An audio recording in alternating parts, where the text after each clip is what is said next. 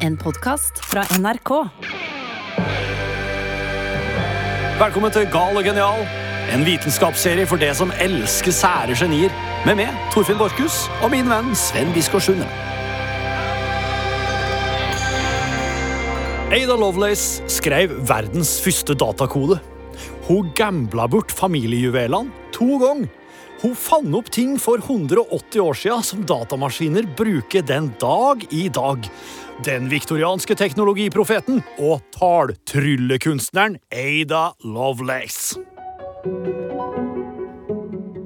Ada Lovelace blir født Augusta Ada Byron den 10. desember 1815. Og allerede her er far hennes skuffa over henne. Allerede? Ja, hun skulle jo blitt en vidunderlig gutt. Åh. Men han kaller henne Augusta etter søster si, og Eida fordi, sitat, det er kort, eldgammelt og oppriktig. Faren til Eida, han er ingen hvem som helst. Det er mange kjendiser i denne episoden av Gal og genial. Ja. Eh, faren er ikke en mann du liker å skuffe, sikkert. Faren er nemlig poeten lord Byron. Verdenskjendis. Mora baronesse Annabella Byron. Han har ikke et moralsk bein i kroppen sin, mens hun er en religiøs matematiker. Vi kunne ha sagt mye om det her merkelige paret og ekteskapet deres, men vi kan være enige om én ting. Det varer ikke lenge. Det gjorde det ikke. Eh, Ada hun er nemlig dattera til datidas største rockestjerne. Eh, og det mangler jo ikke på fyll og vold og utroskap i lord Byrons eh, utrolige liv. Langt ifra. Eh, det her er jo da altså fyren som skrev den verdenskjente klassikeren Don Juan. En grisete bok, Ja. og den er jo òg, dessverre for familien hans, da, basert på seg sjøl. Den er ganske selvbiografisk. Det er det. Eh, Han kunne jo nesten hatt en egen episode i Gal og genial, lord Byron. Og siden lord Byrons liv er som en eneste stor fadderfest året rundt, så har han klart å dra på seg så stor gjeld at han er nødt til å gifte seg inn i penger. Og baronesse Annabella hun var arving til mye penger. Det blir mye drittslenging om lord Byron eh, her, men til lord Byrons forsvar så må jeg si han var svært glad i dyr. Ja.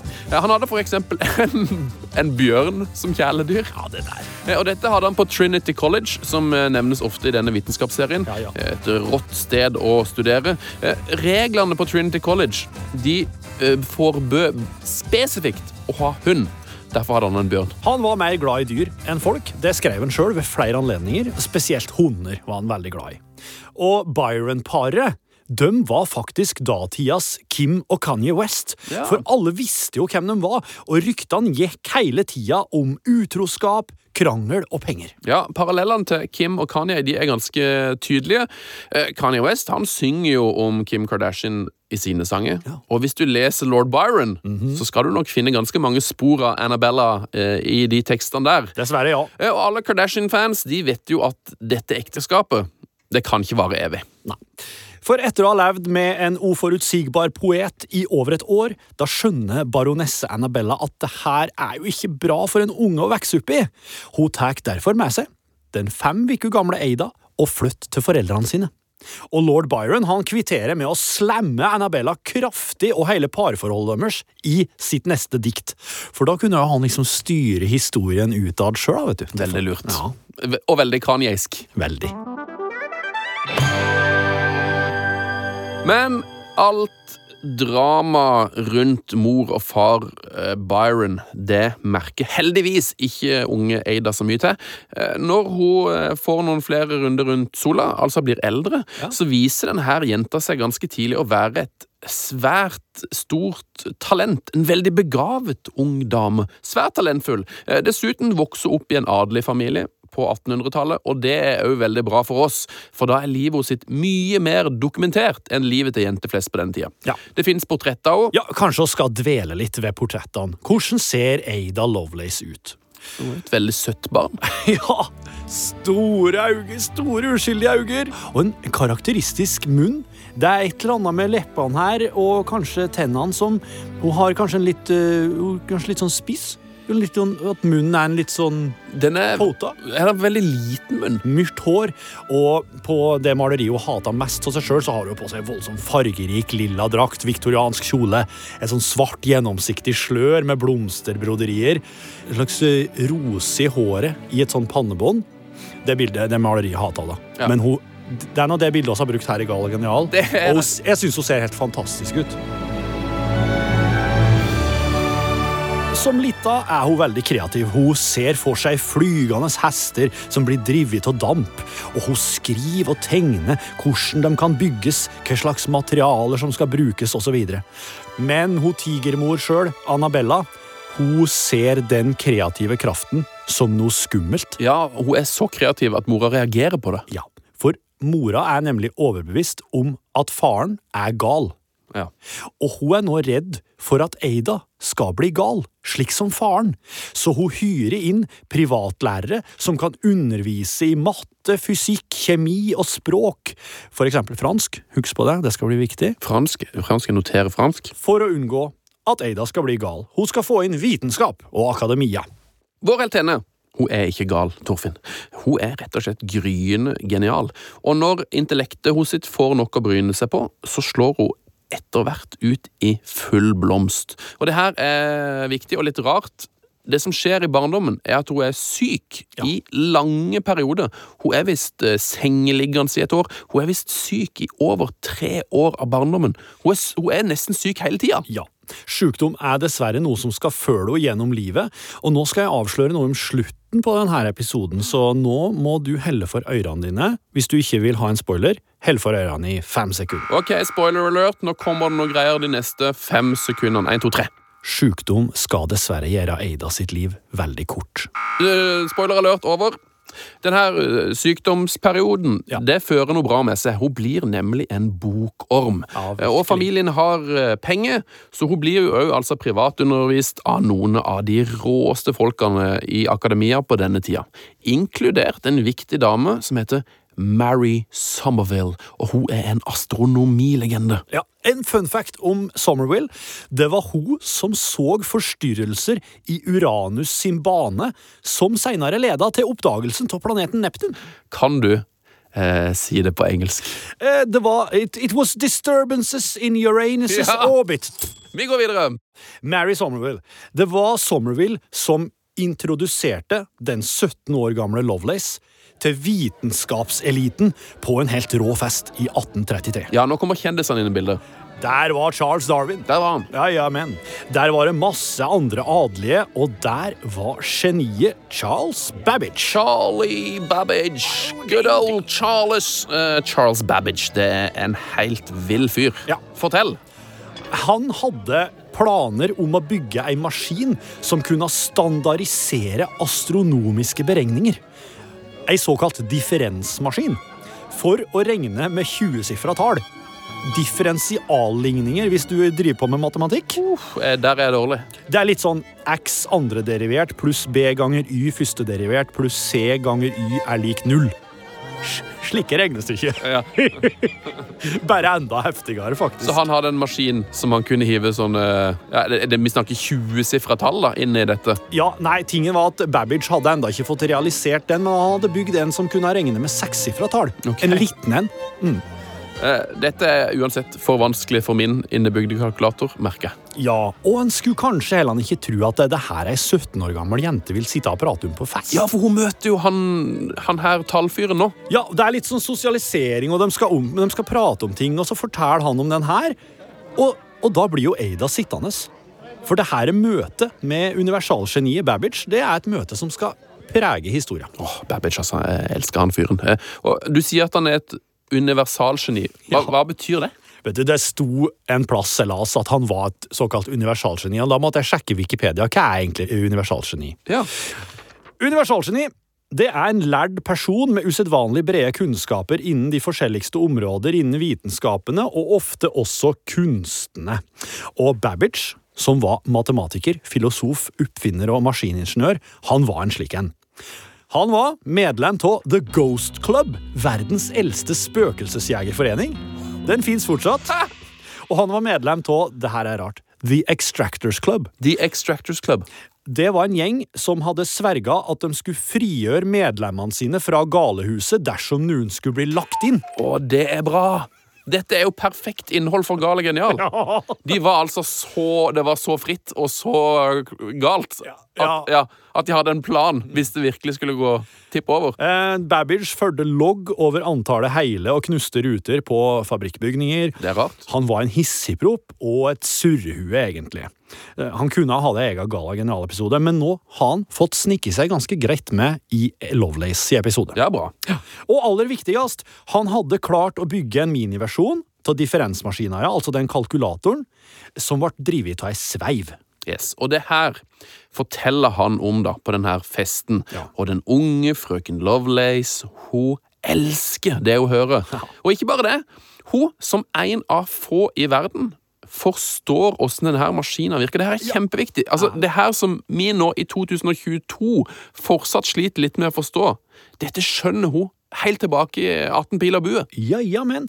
Og det må i sin tur ha gjort et voldsomt inntrykk på Babbage. Altså, endelig så finner han noen han kan prate fag med. Noen som forstår de her rare ideene hans. Ja, og folk må jo ha tenkt at Charles Babbage var gal når han snakka om det her, tror jeg.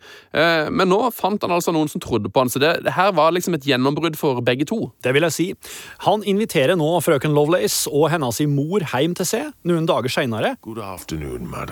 Slik at vår heltinne får sett denne miniversjonen av differensmaskina. Men, og her her er det et men. For i tillegg til differensmaskina Den differensmaskina, kalkulatoren, den kan vi skyve litt til sides nå. Okay. For Babbage hadde begynt planene for ei analytisk maskin. Ei maskin som kan gjøre enda mer enn å regne tall. Oi, oi, oi. Eh, nå lurer jo sikkert folk på åssen denne maskinen ser ut. Ja. Um, jeg har sett sånne bilder på internett av gamle computere fra ikke, 60-, 70-, 80-tallet. Ja. Og de ser jo ut som ser ut som en gammel telefonsentral. Altså, Ja. det, er, det er svære rom, det er ledninger ja, altså, Det er noen svære, uforståelige maskiner. Ja. Men, og det, den maskinen her den skjønner jeg jo nesten ikke at de klarte å finne, finne opp. Åssen ser den her greia fra 1800-tallet ut? Den analytiske maskina som han hadde begynt å planlegge, den, den ville ha sett ut som et lokomotiv. Ifølge tegningene så ville den vært sju meter lang, tre meter høy, med, Større enn et fotballmål! større enn et fotballmål, med hundretusenvis av mekaniske deler i bronse, messing, stål og tre. Det er spaker og tannhjul og en egen printer på enden. Herlig fred. Og dampdriver, så klart. Ja, så klart. Ja. Eh, Babbage var veldig inspirert av datidas digre mekaniske vevstoler. Og hvis du har sett en slik gammel vev med hølkort og systemer, da er du veldig på rett spor her. Ja, det her kalles jo en jacquard-vev, eller en jacquard-vev. Jacquard, ja. Han var fransk. Ja. Eh, men eh, den her maskinen, som er inspirert av en vev, og som er, ser ut som et tog og er større enn Ja, fotballmål, ja. snakker vi da verdens første datamaskin her, da? Ja, nå begynner det, og nå begynner det å nærme seg, iallfall. Det helt rått. Men den er enda ikke bygd, og noen, i hermetegn, nu kun, Noen. noen, ja, noen må skrive litt programmeringskode først. Ja. Ok. Og nå, mine damer og herrer, nå kommer vel det klassiske utsagnet om jacquard-veven. Veldig bra, Sven. Oss tar det nå, for det her er det mest kjente Lovelace-sitatet. For hun sier Den analytiske maskinen vever algebraiske mønstre, akkurat som jacquardveven vever blomster og blader. Hun var jo datter til en poet. Ja. Nå, men nå er altså frøet sådd. De neste 20 årene så skriver Lovelace og Babbage brev seg imellom, som den dag i dag er datahistorie. For 190 år siden. Ja! Det er jo noe å tenke på Bill Gates. Bill Gates, der var du på etterskudd! Ja, det skrives mye brev i Gale Geniale-universet. Det er det ingen tvil om. Nei. Øh, Men på den tida her er det ekstremt. For eh, nå piker nok brevskrivinga i London. Seks ganger om dagen kan du få brev i London nå. Postbudet kommer innom seks ganger Ja. hver, hver Ja, dag. Ja. Helt Eh, vilt. Eida hun bodde jo litt ute på landet, eh, så der kom hun nok et par ganger om dagen. Mm, Men brevkontakten med Babbage den var til tider på en daglig basis, altså. Og var nok ganske viktig for Eida, for det, det er ikke det enkleste mor- og datterforholdet på hjemmebane der. Nei, det er det ikke. Eh, og dette vet jo du hvis du har lest din lord eh, Byron. Eh, men vi kan jo si det til de andre som ikke har lest Byron Ja. fra perm til perm. Eh, selv om Annabella ikke er så ille kanskje som hun framstilles som i lord Byrons litteratur, eh, og som lord Byron-fansen vil ha det til, eh, så er hun nok heller ikke den mest omsorgsfulle mora i verden. Hun er ikke, det, hun er ikke mor Teresa, Nei, er ikke hun her. Hun omtalte blant annet dattera si som det ved, ved flere anledninger. Det syns jeg er strengt. Mm. Der er det. Ja, Det skal ikke forvente noe kjærlighet fra meg. Eh, Hun sa ganske klart og tydelig fra om at hun gleda seg til å bli kvitt sin datter, Ehm, så hun kunne da slippe å late som om hun brydde seg. Ja. Og Hun var jo veldig mye borte, eh, på turer og selskap og sånne egne baronessegreier. Så ingen drømmemor. Så Ada sitt liv det består jo av brevskriving, tjenere, besteforeldre og privatlærere. Ingen jevnaldringer, ingen kjærester. Var det ikke for øvrig noe rykte om noe romanse og noe kjæreste på et eller annet tidspunkt? Du vet du, Det var en eh, ung, kjekk privatlærer som Ja, en ung, kjekk privatlærer, ja. Stemmer det, men det setter jo mora en grei stopper for. Han kom aldri tilbake. Men snakker om privatlærere. Du husker Mary Somerville? Hun eh, som starta alt dette på en måte. Hun som introduserte Eida for Babbage. -hmm. eh, nå skal hun gjøre en ny introduksjon. For en dag i 1835 introduserer hun Eida for den jevnaldrende vitenskapsduden William King. King! Hello, King! I'm King! Yes! Eh, og det her er jo helt King Kong. Ja. Eh, for nå får hun ikke bare møte William King, hun får nå møte sin mann. Og hun får ikke bare møte sin mann, hun får nå òg, dette er rart, et navn. Ja. Nå blir hun på merkelig vis endelig Ada Loveless. Ja, og så har jo kalt henne Lovelace og slike ting til nå i episoden, men det er faktisk nå får navnet. For nå kommer det noe obskur britisk aristokratiinfo her. Fordi Ada er etterkommer etter baronskapet Lovelace, som hadde dødd ut noen år tidligere. De hadde ikke fått noen etterkommere. Og siden William blir gjort til jarl, altså earl, for sitt arbeid for staten, så blir han dermed jarlen av Lovelace! Lace, riktig. Så når William King gifter seg med Ada, og han da blir earl Han blir forfremma, på en måte. ja, så han blir jarlen av Lovelace. Og da blir hun Ada Lovelace! Yes! Så det er derfor hun heter Lovelace, og ikke King eller Byron, som jo ville vært mer logisk å eh, tenke, da. Ja, ikke sant. Men det viktigste av alt her er at Ada og William de funka som par. De Ja. var en god match. De var en god match. De digga hester, begge to. Dette skal vi komme tilbake til. Ehm, de fikk òg tre barn sammen, Mm. og de har vi tid til å snakke litt om, for det er interessante folk. Det er de tre barna Anne, Ralph og Byron. Byron Byron. Altså, Han kunne ha hett Byron Byron. Ja. Det er et navn jeg tror Kim og Kanye ville ha valgt òg hvis de hadde livet på den tida. Enda en Kim og Kanye-parallell. Ja. Eh, Dattera Anne er kanskje den råeste sånn i historisk perspektiv. Absolutt. Anne var den første europeiske kvinne til å ri gjennom den arabiske ørkenen til byen Hail. Eh, Og det var hun som introduserte de første araberhestene til Storbritannia. Og dessuten så eggde hun en Stradivarius-fiolin. Jo, hun gjorde det. Ja, det hun, hun får se om hun skal fortelle om i en senere Gal Genial-episode som skal handle om etterkommerne.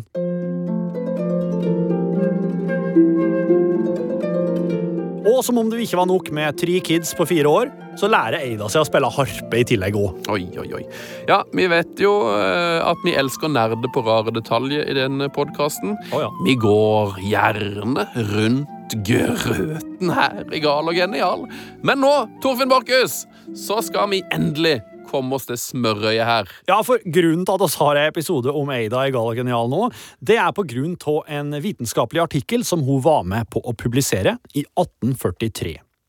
Og for å rede grunnen, som vi liker å si her, så er liksom anledninga her nå, det er Babbage sin ubygde analytiske maskin. Ja, for det her er, jeg synes har vært veldig forvirrende hele veien. For den her maskinen som vi snakker om, den er, den er ikke bygd. Den blir faktisk aldri bygd. Den er ikke bygd den dagen. Det er bare en teori. Ja. Men uansett så er det en teori som blir lagt merke til. Babbage hadde nemlig blitt invitert til Italia for å forelese om maskina. Og mens han foreleser, så sitter en ung italiener og noterer på første rad. Og disse notatene publiserer seinere den unge italieneren i en fransk journal. Og gjett hvem som leser den her franske journalen. Nei, hvem kan det være? Hvem er det som har lært seg fransk?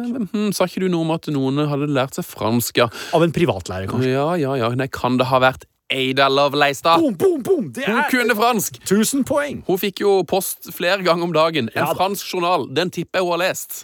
Det gjorde hun, og til en eller annen merkelig grunn så var det ingen som hadde sagt til Babbage han måtte, at han måtte skrive en beskrivelse av den analytiske maskinen sin.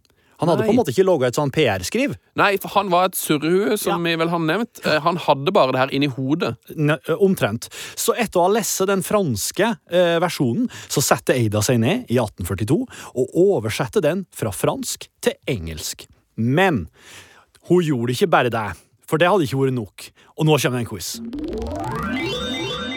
I tillegg til å oversette til engelsk, så blir hele beskrivelsen omfattende kommentert av Ada. Og der italieneren sin opprinnelige beskrivelse var på 8000 ord, hvor mange ord tror du Ada skriver i tillegg? Åh, mange! Vil du ha alternativer? Ja, takk. Enten så skrev hun 4000 ord i tillegg, 14 000 ord i tillegg, eller 24 000 ord i tillegg. Kunne jeg sagt Kan jeg si flere? Jeg sier 50 000 ord. Det er feil, dessverre. Hun skrev 24 000 ord. Okay. Hun skrev tre ganger så langt som den opprinnelige teksten. Og det Eida skriver i sine kommentarer nå, det er på mange måter den første datakoden, og dermed blir hun nå verdens første dataprogrammerer. Det her er helt vilt. At hun gjør dette i 1843. Jeg synes Ja. det, det her er så imponerende, for her gjør hun noe Hun finner jo opp noe som ikke fins. Ja. Eh, og ikke bare det, ikke bare finne opp et helt nytt system. Hun bruker òg et ord i denne teksten som er å debugge koden. Ja. Og det er jo det, det her bruker man jo den dag i dag. Yep. Så Ada Lovelace har nå begått en stor og forutseende vitenskapelig bragd, uten at hun veit det annet enn hun sjøl. Men det er ikke det villeste, for hun så noe mer, noe som ikke de andre på den tida så. Og det var at den analytiske maskina kunne brukes til mer enn tall. Hun spekulerer i at denne fantastiske maskina og kan behandle tekst og bilder og lyder, altså det våre dingser gjør i dag. Og det her er en av hovedgrunnene til at hun har blitt kalt en profet for dataalderen.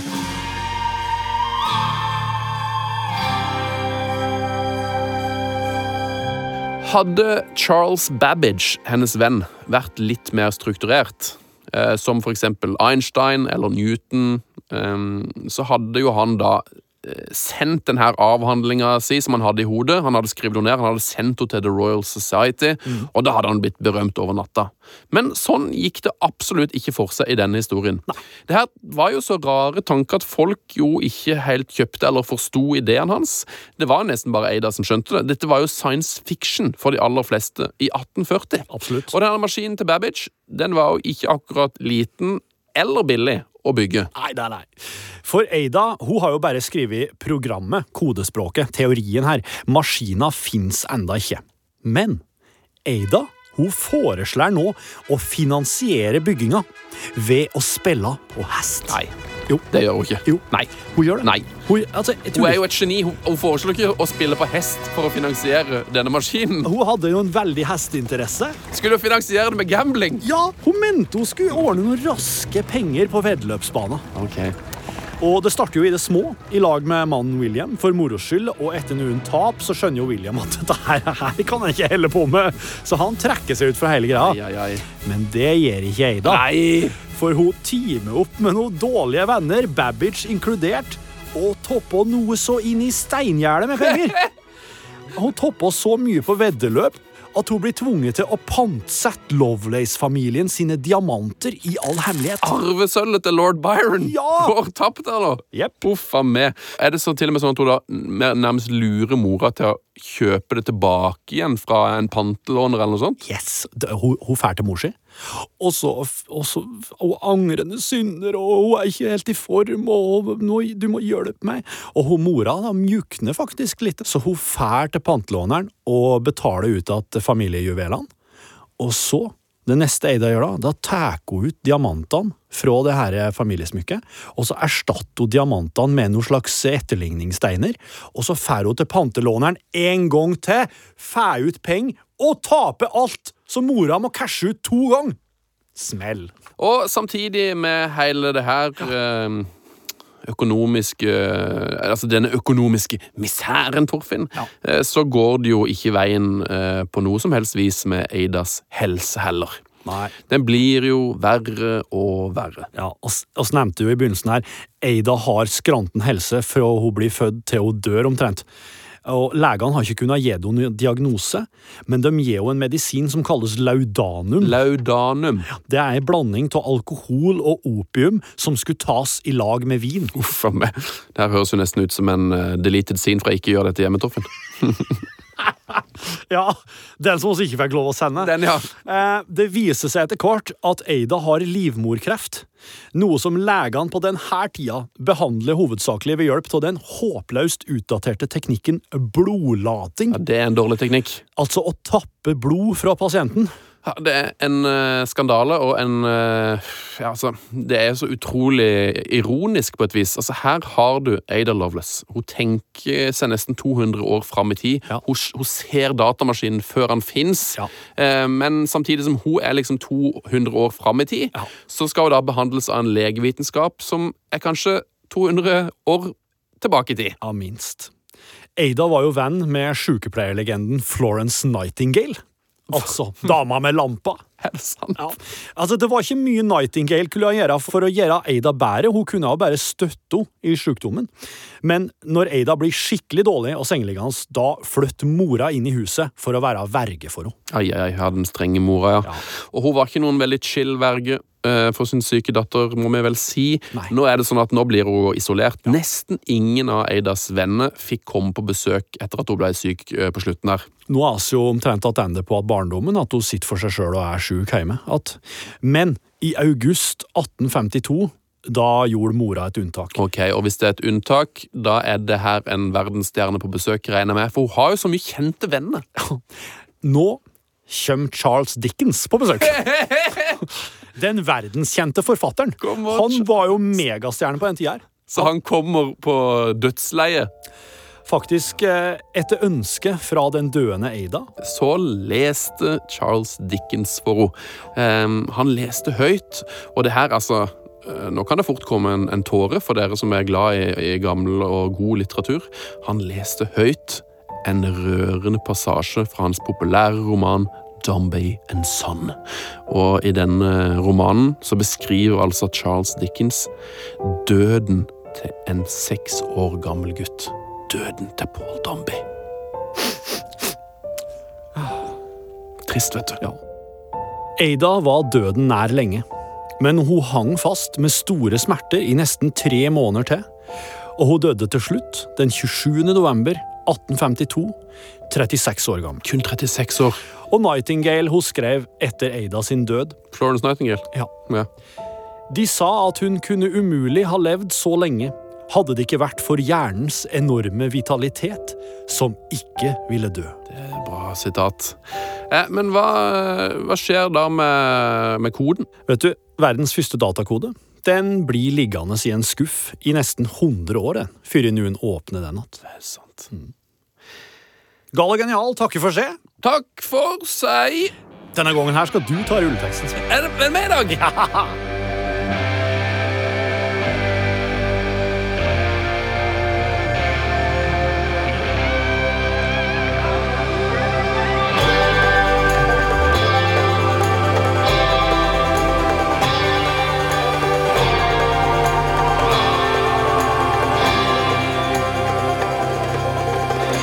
Denne podkasten er lagd av Torfinn Sveen Erlend Lånke Solberg, kjenningsmelodi av Stian Karstensen, lyddesigner Ingebjørg Hagerup, redaktør Linn Gevilt Andersen, episode neste tirsdag. Takk for oss. Du har hørt en podkast fra NRK.